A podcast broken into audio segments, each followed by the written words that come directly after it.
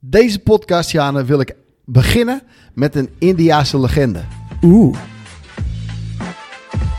Welkom bij de podcast Groeihonger, waarin twee learning experts, ondernemers en auteurs, Jane Bakker en Marco Gala, de diepte ingaan over leren, ondernemen en het leven.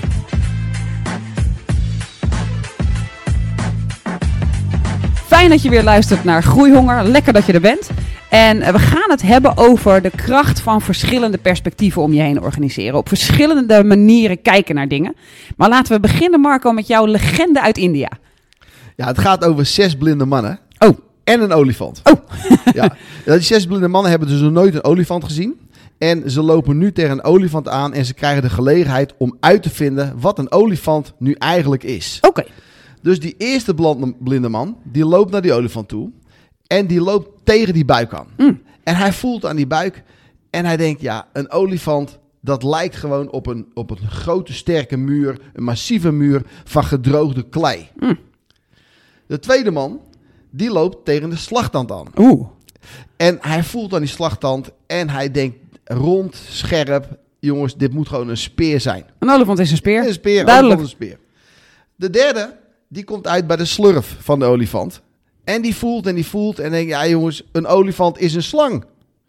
ja, Eh, eh, eh, logisch toch? logisch. Nou ja, de vierde, die komt aan de achterkant uit van die olifant. Krijgt die zwaaiende staart in zijn gezicht. Hij voelt eraan. En denkt, jongens, een olifant, dat moet wel een zweep zijn.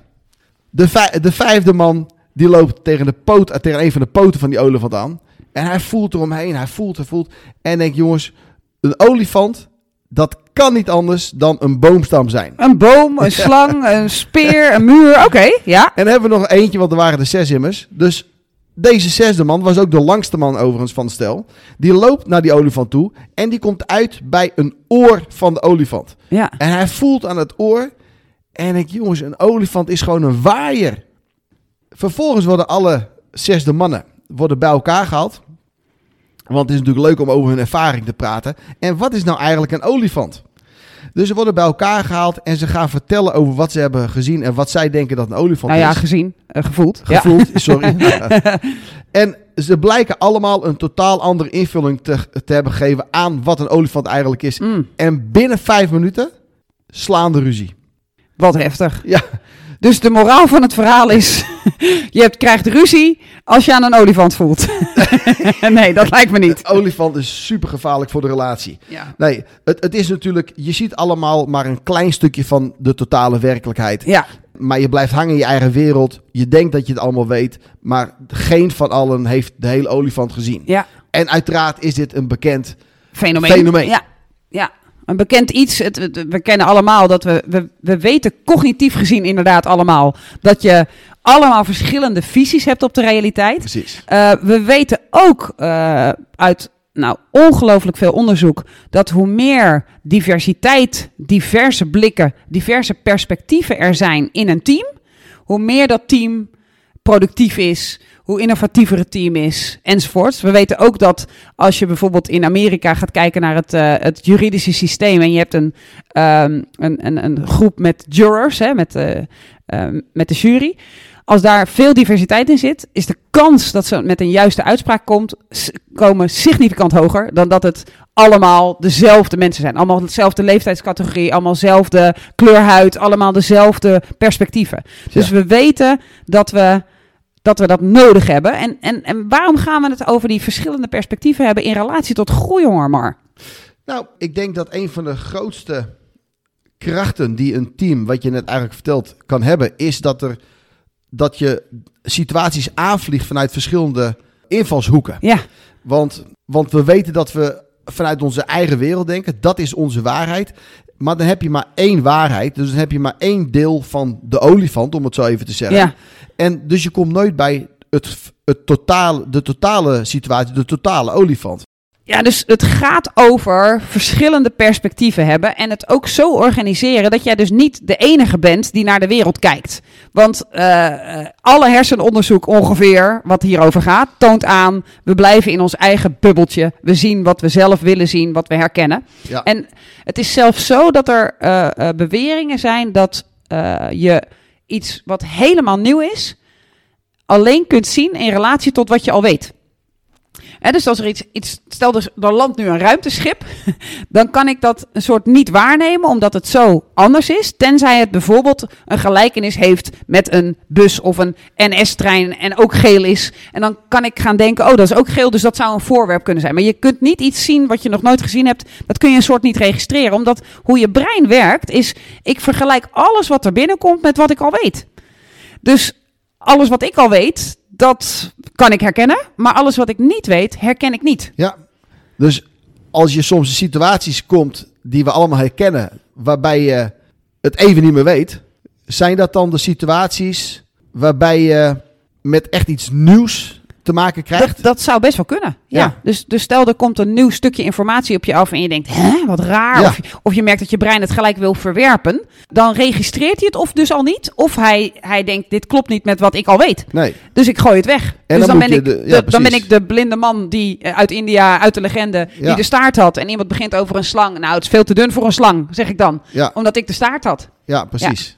Ja. en dan moet je dus, dus dan worden er nieuwe perspectieven gebouwd, zou je dat zo kunnen zeggen. Ja, dan moet, ja ik, ik denk dat, dat deze hele podcast een, een oproep gaat zijn om te zorgen dat je gaat leren van anderen. Ja. Dat je gaat zorgen dat je luistert en ziet hoe is het in de schoenen van die ander. Ja, Ik denk dat dat een, een, een hele belangrijke is. Ik weet nog dat wij ehm, waren in Bangkok aan het trainen en ik stond volgens mij voor de groep en ik was een eh, storytelling aan het doen.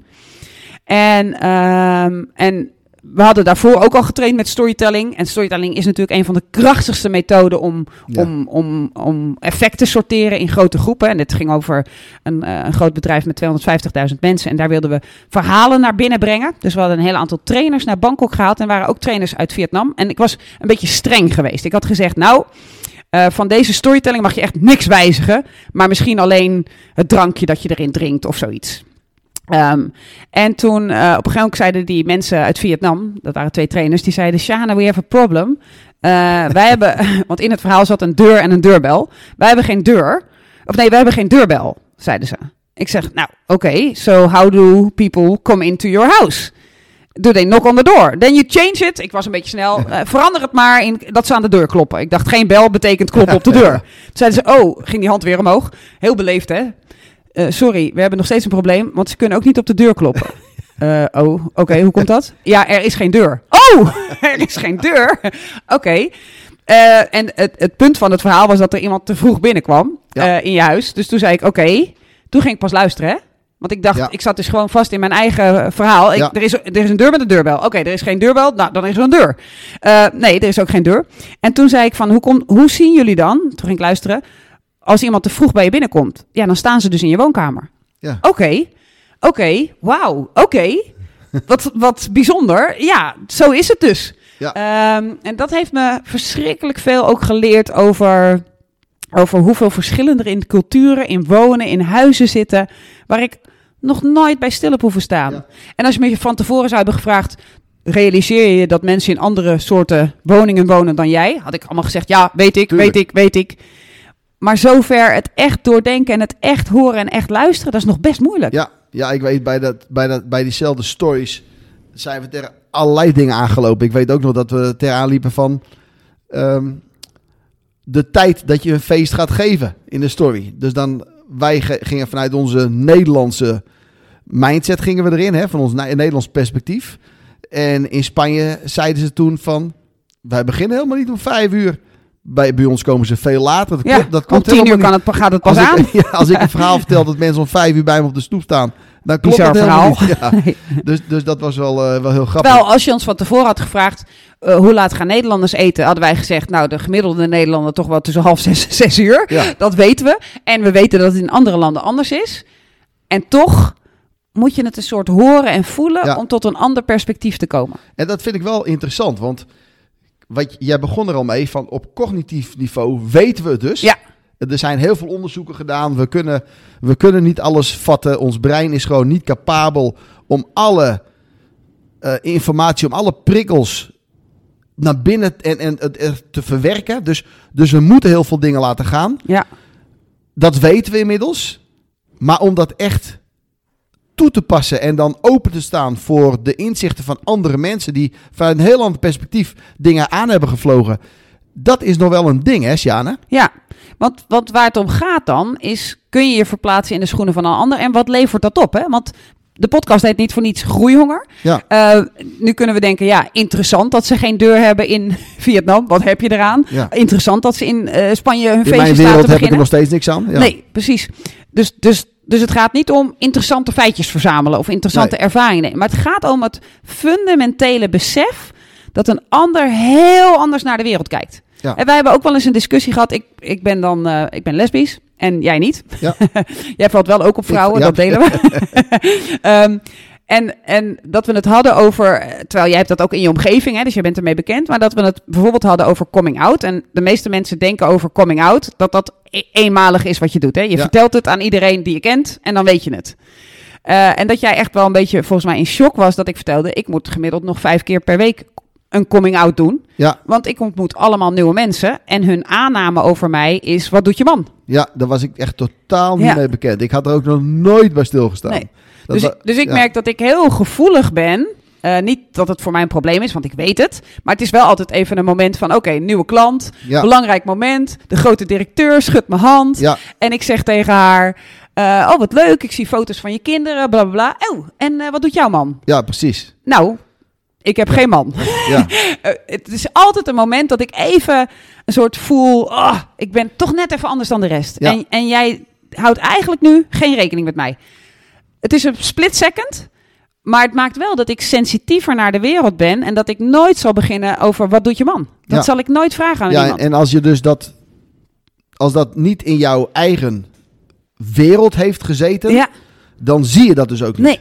nee. Want ik, ik, ik, ik had er niet eens over nagedacht. Eh, ik denk, nou ja, oké, dus je houdt van mannen of je houdt van vrouwen. Prima. Nou, doe niet zo moeilijk. ja. En, eh, en, En hou er gewoon van. ja, en, en, en, en toen dacht ik, heb ster- sterker nog, ik heb ook wel eens gedacht van, nou, ik vind wel dat er hele toestanden voor worden gemaakt. Ehm, want het is gewoon jouw keuze, klaar. Ja. En eh, totdat je inderdaad vertelde wat er in je hoofd eh, ging en omging. En, en wat er ook vanuit de bu- buitenwereld, hoe er naar je Ja. gekeken werd en hoe er gereageerd werd. En pas dan ga je vanuit een ander perspectief denken. Ik weet ook dat, dat daardoor bijvoorbeeld, Ja. als ik nu een, ehm, eh, een training doe, dan hou ik ook rekening met de voorbeelden die ik geef, omdat ik ook vanuit jouw perspectief wil denken. Ja. En dat ik niet alleen maar zeg van oké, eh, mannen, vrouwen, maar dat je dus ook twee vrouwen of twee mannen eh, Als, voorbeeld. Of, als voorbeeld kan of in nemen. weet casus kan stoppen. Ja, ja, dus dat ik veel meer op partner ga zitten, hè, het benoemen als partner, Ja. dan als man of vrouw. Ja, en, En- dat is zo'n winst voor alle mensen die. Want jij Ja. staat voor heel veel zalen eh, en heel veel webinars. eh, en hebt heel veel mensen erin. En, en al die mensen die daarin zitten, die in mijn team spelen, Ja, die voelen hem en die horen Ja. hem. En die horen, oh, ik hoor erbij. Ja. Ik hoor erbij bij deze man. Want je mij- hoort het als je er niet bij hoort. als zal ik maar één persoon in heel die zaal hebben die daarmee geholpen is en Ja. die dat fijn vindt, Ja. dan heb ik al eh, gewonnen, vind Ja. ik, weet je. Dus dat, dat, eh, maar dat, dat, dat, dat kan alleen als, omdat die wereld voor mij een soort toegankelijk werd Ja, toen jij erover vertelde. ja, Maar als jij dat niet had gedaan, dan, had dan had ik me er zelf in moeten verdiepen of, of Ja. op zoek naar moeten gaan. ja. Eh, want anders had ik het gewoon niet geweten. Nee, want je denkt, hoe we denken is, ik, ik zie de wereld en ik snap de wereld. Ja. En, eh, ja, en, en jij was zeg maar super liberaal al van, ja, het maakt niet uit op wie je valt. Nee. Eh, dus jij denkt, dat daarmee is het klaar. Ja. bijzonder. Ja, precies. Bijzonder. En, en datzelfde geldt natuurlijk van de, de kleur van je huid of, of Ja. wat ook maar. Eh, Ik kom op, weet je. Ik heb laatst had ik een gesprek met een aantal mensen over, over diversiteit. ja. En daarin zei ik hoofddoekje. En toen vroeg, en het was echt een vet leuk gesprek, hè, echt gaaf. En toen vroeg een van die mannen, mag ik jou iets leren? Eh, eh, ik zei, tuurlijk. Dat is altijd een spannende vraag. Hè? Mag Ja. je iets leren? Dan word je Ja. eigenlijk getest op je groeihonger. Terwijl Want jij je denkt van binnen, ah! Ja. En eh, eh, hij zegt, eh, eh, je zegt eh, hoofddoekje. En daarmee verklein je iets wat misschien voor sommige anderen heel belangrijk is. En dat doen best veel mensen. Ja. Zou je hoofddoek willen zeggen? Ja. Ik zeg, potverdorie. ja, daar denk Wat- je ook niet bij na. Wat, ja. wat heftig. Ik ben het Ja. een soort aan het vergoelijken, aan het verkleinen, alsof Ja. het niet zo belangrijk is. Terwijl voor sommige mensen is het super belangrijk. Ja. Waarom doe ik dat niet? Ja. Ja, Ja, en, en, maar dat begint dan ook bij dat jij open staat voor Ja. andere perspectieven. Ja. Hè? Wa- Dus, dus, want je kan, dat is, het makkelijkste is natuurlijk om bij je eigen waarheid te houden. ja, En gewoon te denken van, nou, hoofddoekje, Ja. hoofddoek, kom Nou, op zeg. Ik, noem- ik benoem het daar tenminste. Ja, Ja, toch? of zo, ja. Dus, Ja. dus het, het begint ook wel bij je eigen besef van jongens, als dat, als dat vanuit jouw perspectief belangrijk is, dan Ja. moet ik daar wat mee. Of Ja. dan wil ik daar wat mee. Ja. Hè? Dus dat is, dat is een belangrijke eerste stap. Hè? Ja. Nou, En- ik, had het ook, ik had het ook bij mijn trainers. Ik, ik geef een trainer-trainer jaartraject. Hè. Daar zitten veel trainers in. Ehm, en eh, op, soms is het natuurlijk de Ramadan. Ja. En dan weet ik dat er een aantal mensen niet gaan eten. En, en dat was al een paar jaar aan de gang. En dat ging prima. Niemand klaagde. En op een gegeven moment merkte ik dat het eten wat we die dag hadden best wel sterk rook. En dat ik dacht. En ik was toen aan het lijnen. En dat ik dacht: hey, hoe, ik vind het eigenlijk onaangenaam om in deze geur te zitten. Hoe is dat eigenlijk voor hun? Dus Ja. ik stapte op ze af en ik vroeg. En ze zeiden allemaal: nee, nee, het is oké. nee, nee, het is oké. Toen dacht ik: ja, ik zou ook antwoorden: nee, het is oké. ja, precies. Maar ik, heb, ik dacht, potverdorie, ik heb niet invoelend geweest. Ik heb niet geluisterd. Ik heb niet, zij hebben het niet durven zeggen. Ehm, eh, en ik heb een andere ruimte ingericht. En toen dacht ik, en waarom heb ik hier geen gebedskleedjes? Want, want je gaat niet bidden, nou ja, sommige mensen wel, maar je, je gaat niet bidden tussen allerlei. Je wil dat even privé doen, sommigen. Ja. Dus dat heb ik toen ingericht. En ja, dat, de reactie daarop was dat ik echt me schaamde voor dat ik dat niet eerder had, had gezien en gezegd en gevoeld. Ja, terwijl je wat je had gedaan met het, met het eten met heel veel geur erin, Ja, dat kwam natuurlijk vanuit jouw perspectief ja, met, met hele goede bedoelingen. Ja. Want je hebt natuurlijk, s ochtends heb je natuurlijk lopen knallen. ja. En, en dan ik kom, had een fantastische soep. dan kom je, ja, dan kom je lunch tot bij de lunch. En dan wil je natuurlijk mensen inpakken van ah, maken. dit heb je wel Ja. verdiend. En, eh, we, en lekker, het moet lekker geuren. Je moet er een trek van krijgen als je het ruikt. Dus dat is vanuit jouw perspectief natuurlijk met de beste bedoelingen. Maar pas als Maar de je... beste bedoelingen zijn dus niet goed genoeg. Nee, ja, Nee. vanuit jouw perspectief wel. Ja. Maar als je het naar een hoger perspectief trekt Oeh. en daarin andere perspectieven meeneemt, Ja, dan kun je wel eens eh, verkeerd zitten. Ja. En, en daar kwam je dus achter. Ja. Ja, dat is wel gaaf. ja, En, en ik denk dat dat, eh, dat dat we daar vaak nog moeite mee hebben. Met dat naar een hoger perspectief trekken ja, van, van, van, waar we eigenlijk, van onze eigen wereld. ja. Ja, dat heeft heel erg denk ik te maken met... Kan ik me inleven in de ander?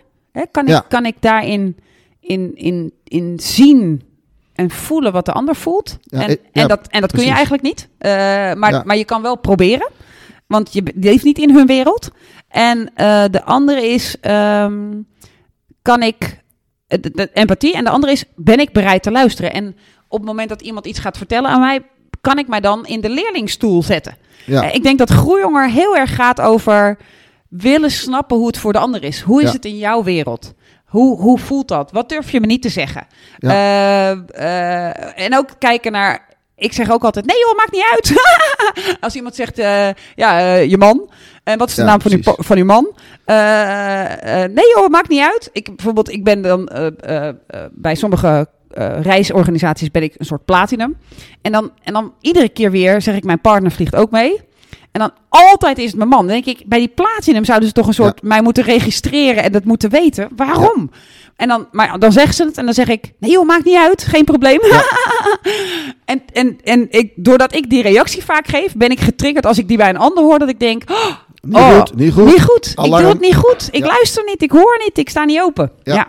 Ja, dus volgens mij begint het heel erg bij, eh, niet, niet zozeer van, van, kan ik me in die ander verdiepen? Ehm, maar maar wil, wil ik me vooral in die ander verdiepen? Hè? En, wil ik, en wil ik daar wat mee doen? Want, want soms betekent het ook dat het, eh, ik bedoel, als we teruggaan, want dat is wel een mooi voorbeeld, naar jouw lunch. Ja. Dan moet je je eigen lunch, vanuit jouw gedachte, vanuit jouw perspectief, was dat de perfecte lunch. Ja. Maar die perfecte lunch moet je dus aanpassen om het voor iedereen leuk te Ja. maken. Ja. En, en, eh, en ben je daartoe bereid? Ja, precies. Ja, en, en ik denk zelfs dat als, stel dat een van hen, eh, eh, van de mensen die meedeed aan de Ramadan, ehm, eh, dat zij tegen mij hadden gezegd, nou, ik vind het wel heel sterk ruiken, die soep. Ja, Ik denk dat ik dan in de verdediging was geschoten. Ja, ik doe ook mijn best. Ik heb mijn best gedaan voor iedereen die wel eet. Eh, ja, eh, eh, weet je. En misschien was ik daarna wel wakker geworden. ja, Maar ja, ja dat, ik, ik denk dat het, dat, het, dat, dat groeihonger hebben is openstaan en luisteren. Hoe is het voor jou? En hoe is het echt voor jou? ja. Ja. ja. ja, omdat je wil weten van hoe is het vanuit jouw wereld. Precies. En, en, en ik denk wel dat ik het goed doe, maar doe ik het wel goed? Ja. En, en, en dan ook inderdaad gaan kijken met wie omring ik mij? Waar zoek ik mijn vrienden uit? Ja. Waar zoek ik mijn collega's uit? Eh, zoek ik, heb ik allemaal mensen die hetzelfde vak beoefenen als ik? Hebben ze allemaal dezelfde kleur als ik? Hebben ze allemaal dezelfde religie als ik? In hoeverre zorg ik ervoor dat mensen ook die niet op me lijken ook kunnen bijdragen aan mijn groeihonger? Ja, ja. Hoe, hoe, ik, hoe laat ik me daardoor voeden? Ja, Ja, precies. ja sterk. Ja, Ik weet nog dat we.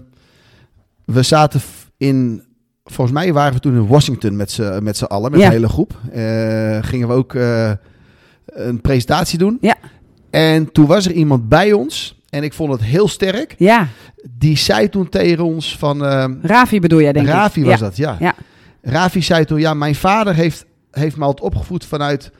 ehm Ravi, ik heb je heel veel geleerd van, vanuit mijn wereld, Ja. van wat ik weet. Ja. Maar je moet nu vooral zoeken naar mensen die anders zijn dan ik. Die een, een andere religie hebben, Ja. andere landen hebben geleerd, andere culturen. Ja. Want ik weet niet alles. Ja. Bij mij, hier stopt het bij mij. Maar er is nog heel veel meer. En je moet contact maken met die andere werelden om zelf de beter van te worden. Om, om, om, om het meer te snappen.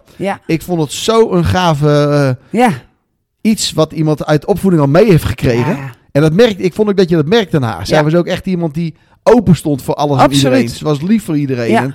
En, en, En, zij, en zij aarzelde ook niet om ons op te voeden. Want ik weet dat ik één avond met haar een, eh, een drankje dronk. Nog even na afloop van een van de webinars, seminars die we hadden gevolgd. En dat ik, eh, dat ik iets, iets zei van, van. Want Black Lives Matters was eh, erg aan de hand. Hè? En dat ik aan haar vroeg: hoe is dat voor jou? Zij is Indiase. En, en Engelse.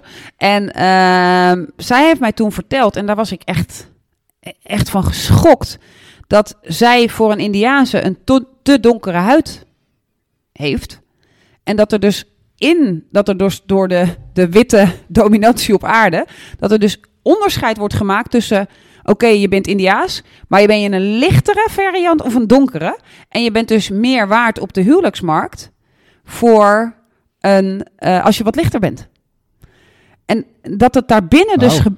ge- gebeurt. Dat, dat, dat we dus zo een, een, een cognitieve bias hebben aangelegd in de wereld. Dat, dat de lichtere huid echt altijd wel beter is. Want dan ben je dus beter omdat je minder pigment. Ik, ik, ja, maar ik, ik schrok ervan. En, Ja. maar, maar doordat zij zo in het leven stond, kon ik ineens daar een vraag over stellen. En ook opgevoed worden. Ja. Ja, ja, dat soort dingen, dat, dat, dat ligt totaal buiten ons, eh, Ja. ons gezichtsveld Ja, natuurlijk. normaal daarin gesproken. zitten wij gewoon helemaal fijn in onze witte bubbel. Ja. en dat gaat gewoon hartstikke goed. Ja. Ja. Ja, bijzonder is dat. Ja. Ehm, als, je, als ik even terugdenk aan, aan eh, eh, als ik het vergelijk met, met, met het bedrijfsleven. Ja. En dan het eerste wat bij me opkomt is dan eh, Stephen Covey. Ja. En die had het over synergie. Hm. Dat was eigenlijk dat was de nummer 6 habit van zijn bekende, eh, volgens mij nog steeds het, het meest eh, succesvolle leiderschapboek. Ja. Ehm, en had hij het over synergie. En daarin zegt hij voornamelijk ook dat verwelkom verschillen. Mm. En volgens mij was dit de basis van, van die habit 6, van synergie. Ja. Wat denk jij daarvan? Ja, hele goeie. Ik denk dat het niet alleen gaat over het accepteren van verschillen, Nee? maar het verwelkomen van verschillen. Ik denk dat Ja. dat een, een groot eh, verschil is. Want accepteren betekent van nou, jij bent dus niet de meerderheid, maar oké, oké, ik accepteer je. Ja. Eh, en ik denk dat verwelkomen betekent: wauw, hoe zie jij de wereld? Wat gaaf dat jij erbij bent. Wat gaaf dat jij anders kijkt dan ik. Wat kan ik daarvan leren? Ja, precies. Want, want, want even, even vanuit economisch perspectief, om een hele andere kant op te tikken. Het is natuurlijk, als jij eh, ondernemer bent of dingen maakt of voor groepen staat of, of een verschil wil maken in de wereld, de wereld een stukje mooi wil maken, dan wil je dat voor alle mensen. Dan wil je dat niet voor, nou, alleen die en die community. Je wil, je wil dat het. Dus je wilt eigenlijk zoveel mogelijk mensen aanspreken. En als je dan niet zorgt dat jij snapt hoe al die verschillende mensen in elkaar zitten. En, en vanuit welke. En, en niet even in hun schoenen gaat staan. Dan, dan ben je iets aan het maken voor mensen die op jou lijken. Ja. ja, dus het gaat niet eens alleen over verwelkomen, maar het gaat misschien ook nog actief op zoek Ja, naar verschillende, verschillende Ja. mensen bij elkaar halen eigenlijk. ja, hè? Niet per ongeluk op je pad komen en oké, ik accepteer je. Eh, niet per Nee. ongeluk op je pad komen en ik verwelkom je. Maar ook, wat zie ik om me heen en, en van wie kan ik leren? En hoe kijk jij naar de wereld? Precies. Dus als je kijkt naar een, laten we zeggen, een team van leiders, Ja, eh, dan wil je dat dat mensen zijn die verschillend zijn. Nou is elk mens verschillend, maar we hebben het, maar we hebben het nu over echt totaal verschillende werelden waar Ja. die mensen vandaan komen. En die wil je bij elkaar hebben, want daarmee maak je het compleet. Eigenlijk als je teruggaat naar de India's legende, om het Ja, zo even te zeggen, dan, dan wil je mensen bij elkaar hebben. eh, hè, eh, zes mensen, de een, waarvan de ene de, de, de, Ja. de, de, de, de, hoe heet het? De slurf, De de- slurf de- heeft, de andere de poot. Ja. En dan, zodat je de totale olifant uiteindelijk eh, in beeld kan Ja. brengen. en als je die totale olie, dan, ben je, dan is er rijkdom. Dan zie je het geheel Ja, en dan kun je genieten van dat mooie dier. Ja, ik weet, ik weet dat er laatst een, een TikTok-trend was. Eh, ik, ik hou TikTok erg bij, omdat vanuit mijn groeihonger denk ik dat dat een platform is dat enorm groot gaat worden. En dat is het al aan het worden, maar ook Ja. business-wise. Hè, want vroeger was het voor dansjes voor kinderen, dat is het al lang niet meer. Er was een trend dat een, eh, iemand stelt dan een vraag en dan knip je een stukje uit die vraag en geef je antwoord op de vraag. En daar had iemand gevraagd, eh, ladies, dames, wat zouden jullie doen als er 24 uur geen mannen op aarde waren? En die man had daarvan gedacht dat hij het antwoord wel wist. Maar wat al die vrouwen antwoorden, massaal, tot mijn grote schok, eh, was: ik zou s'avonds in het park gaan wandelen. Nee. Ik zou mijn sleutels niet in mijn hand houden als ik s'avonds naar mijn auto loop. Om het te kunnen verdedigen. Er kwamen zo massaal veel voorbeelden van hoe bedreigd vrouwen zich eigenlijk voelen. En hoeveel maatregelen ze nemen om over straat te kunnen lopen. Of s'avonds in een park te gaan zijn. Of niet een andere route te kiezen waar meer verlichting is. Dat echt bijna al die mannen die dat weer zagen, daar weer een video over gingen plaatsen van... Oh my god, I'm in shock. Als er geen mannen zouden zijn, zouden jullie je veilig voelen. Ja, dat is wel. ja. What? Ja. dat vind ik wel heftig. Ja, Ja, ik had er ook niet zo bij stilgestaan dat het zo heftig. Ik wist wel dat, dat, het, dat het voor vrouwen een, een, een veiligheidskwestie was, Ja. maar zo heftig had Ja. ik niet. shocker de bokker, hè? Ja. Ja, Dus het, en volgens mij kun je dat ook alleen horen als je het, als je open staat, als je het opzoekt. Ehm, en als je dus bereid bent om aan te nemen hoe het voor die ander is. Dat je niet dan zegt, nou, dat kun je helemaal zeggen. Maar ondertussen ja, eh, heb ik een hele andere mening. En dat je meningen gaat uitwisselen. Want dan krijg je natuurlijk, nee, ik voelde duidelijk een boom. Nee, nee hoor, ik voelde een slang. precies. Nee, hij die boom voor mij, die bewoog echt niet. Hij- Die slang bewoog. Precies. Nee, dan heb je iets anders gevoeld. Dat kan niet.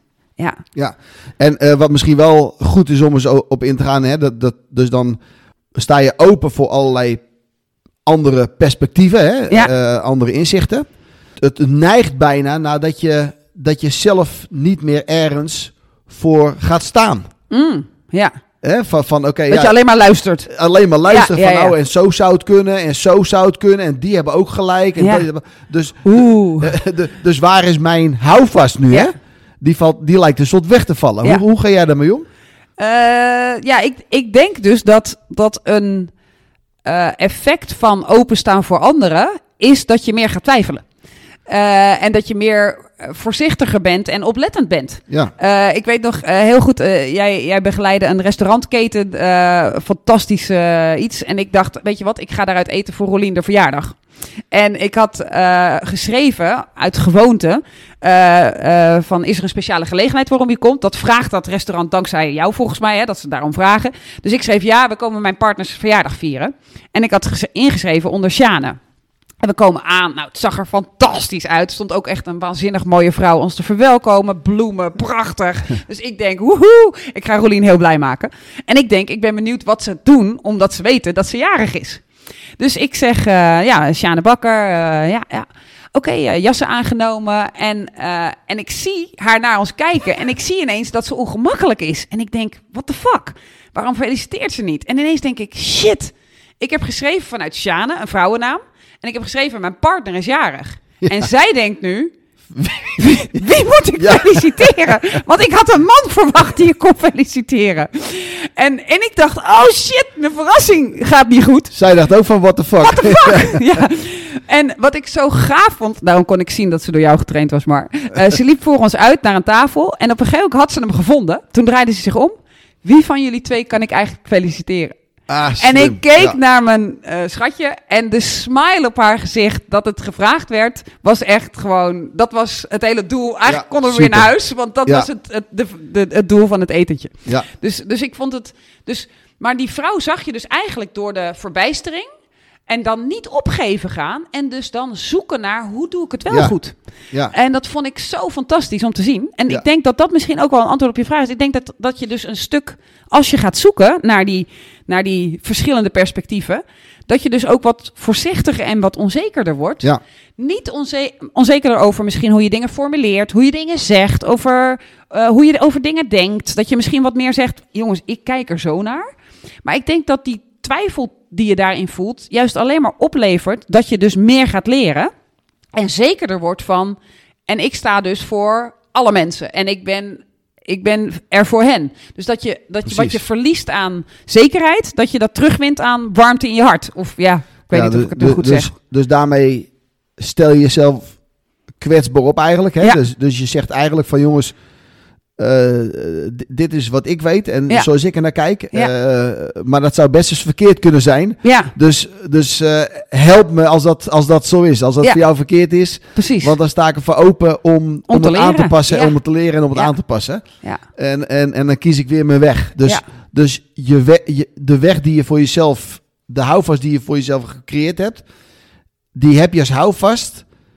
Maar je staat open voor andere inzichten. Ja. Waarmee je bereid bent om die, hou- die houvast ehm, aan te passen. Dus Ja. die houvast is een soort flexibel geworden in, Ja. in de loop van de tijd. Klopt dat? Ja, ik denk dat dat, hem, eh, dat dat hem is. En ik denk dus dat voor iedereen die groeihonger heeft, het handig is om af en toe te kijken naar.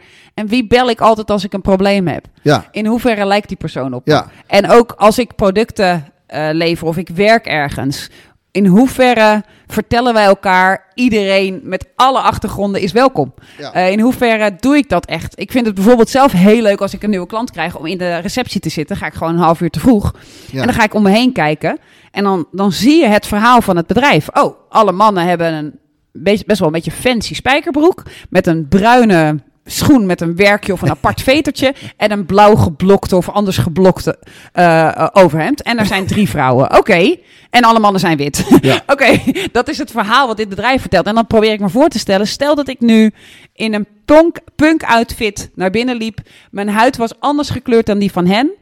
Wel, wat zou ik dan voelen? Ja. Ja, dan denk ik. En, en ook, heb je geen zwarte klanten? ja, precies. ja. Ja. Dus volgens mij is dat wel de toekomst waar we, waar we, waar je als je groeihonger hebt, kun je niet in een, in een bubbel blijven zitten. Nee. Nee, moet precies. je uit. Ja. Ja. Du- Dus, dus eh, ik kan me voorstellen als je, als je nu luistert dat je denkt van oké, maar dan sta je er helemaal nergens voor. Zo zie ik het niet. Hè? Je, Nee, je staat nee. wel degelijk ergens voor. Maar je beseft je ook, terwijl je ergens voor staat, besef je ook dat, dat waar jij voor staat, dat dat ook een, een soort draai kan krijgen wanneer je andere inzichten Ja. hoort die jou weer doen groeien en waardoor je dus een andere aanpak eh, Ja. eh, nodig hebt en, Ja. en vindt dat je dat moet veranderen. Ja. Ja, ja, mooi is dat. Ja, ik weet dat, dat Google eh, het verhaal gaat. Ik heb er geen studie over gelezen, maar het verhaal gaat dat Google op een gegeven moment vertraagde in zijn innovaties. Dat ze dat vervelend vonden. En wat ze toen zijn gaan doen, is dat ze eh, mensen eh, tijdens het interviewproces stelden ze altijd al een vraag van, joh, eh, ga iets waar je, waar je, ga eens even dit onderbouwen. En dan gaat dus een technisch iets, dan moesten mensen onderbouwen. En wat ze toen zijn gaan doen vervolgens is dat ze een, een nieuw stukje informatie gaven. Dus iemand ging helemaal los. Ja, het zit inderdaad zo bij coderen van... Die ging helemaal los technisch. En dan gaven ze ineens een nieuw stukje informatie. Maar we hebben net dit ontdekt. Waardoor dat de, debat of dat betoog wat die ander had opgehangen... niet meer opging. En ehm, ehm, dan gingen ze kijken naar hoe reageert iemand hierop. En als iemand dan defensief werd... van nee, maar eh, toch sta ik achter wat ik, waar ik achter stond... En, eh, dan gingen ze die niet meer aannemen. Want waar ze naar op zoek waren, was naar... eh, ik durf toe... Oh, wauw, dat is Ja. nieuwe informatie. Oh, oh, dat verandert mijn hele betoog. Mag ik overnieuw beginnen? Ja, precies. Ehm, en, en, en wat ze daarmee gedaan hebben, is ze stonden natuurlijk bekend. in- We nemen alleen de slimste mensen aan uit de markt. Dus ze namen ook heel veel arrogantie aan. Want die mensen die wisten het allemaal. Dus de zekerheid was heel groot. Dus wat ze hebben gedaan, is actief gezocht naar durven mensen van standpunt te veranderen. Durft iemand te zeggen: jij hebt het betere idee. Wauw, ik leer hiervan. Wat gaaf. En, eh, en dat heeft ze ontzettend veel, eh, zeggen ze zelf, eh, versnelling gebracht in de mate waarin ze konden innoveren. Ja, Omdat het niet gaaf. ging over wie heeft de langste plasser. precies. Wie weet het het beste. Maar wie heeft er echt met zekerheid een boom gevoeld of een muur gevoeld of een slang gevoeld. Maar het ging over, oh wauw, oh misschien zitten ze wel aan elkaar vast. Hoe zou het er dan uitzien? En, Ja. en dat ze dan tot een olifant kwamen. Ja, heel tof. Dus, dus eigenlijk wat, wat je heel vaak merkt, dat hoe er naar gekeken wordt als je je mening bijstelt of je aanpak bijstelt, omdat er weer iets is gebeurd en je hebt nieuwe inzichten gekregen, dat soort dingen, ehm, hè, wordt het toch vaak gezien als zwak, hè? Van, oh, eh, je wist het dus kennelijk niet. Een beetje dat. Maar eigenlijk is dat ju- juist heel sterk. Want eigenlijk zeg je dan van, nou ja, met alles wat ik toen wist, besloot ik dit. En daar stond ik volledig achter. En Ja. nu nog steeds eh, kan ik erachter staan met de informatie die ik toen had. Maar als ik kijk wat ik nu weet met de inzichten van nu en, en al die andere perspectieven die ik, die ik eh, eh, tot me heb genomen. Ja, dan, dan ben ik bewust dat ik een andere keuze moet maken. Ehm, en dat is dus. Dat voelt alleen niet zo fijn. Nee, het, Je ego krijgt wel een tikkie. Ja, maar, maar er wordt ook anders naar gekeken Ja. door, door de buitenwereld, heb Ja. ik het idee. Hè? Eh, Ja. Maar eigenlijk is dat gewoon heel sterk. En Google selecteert dat dus gewoon op. Volgens mij heeft het ook niet met niet zozeer met intelligentie te maken. Nee. Het, is een andere vorm van intelligentie, denk ik. Het heeft meer met growth en fixed mindset, denk Ja, ik, te maken. Als je, hem, als je hem daar naar terug wilt halen. Precies. Maar, eh, maar eh, ja, volgens mij is het voor mensen met groeihonger extreem goed om bij zichzelf na te gaan. Dan zeg ik af en toe, wauw, je hebt een beter idee. ja, Eh, zeg ik dat af en toe? Of, of zeg ik dat nooit? En als je dat nooit zegt, dan ben je niet een ander perspectief aan het verwelkomen. En kom je nooit tot de hele olifant. En Ja. ik denk dat dat een hele mooie afsluiting Ja. is van deze podcast. ja, Dankjewel voor het luisteren. Eh dankjewel voor de mooie legende, Marco. ja. En eh, tot de volgende keer. Jongens, tot de volgende keer. Dankjewel voor het luisteren naar Groeihonger. Volg Sjane en Marco op hun socials.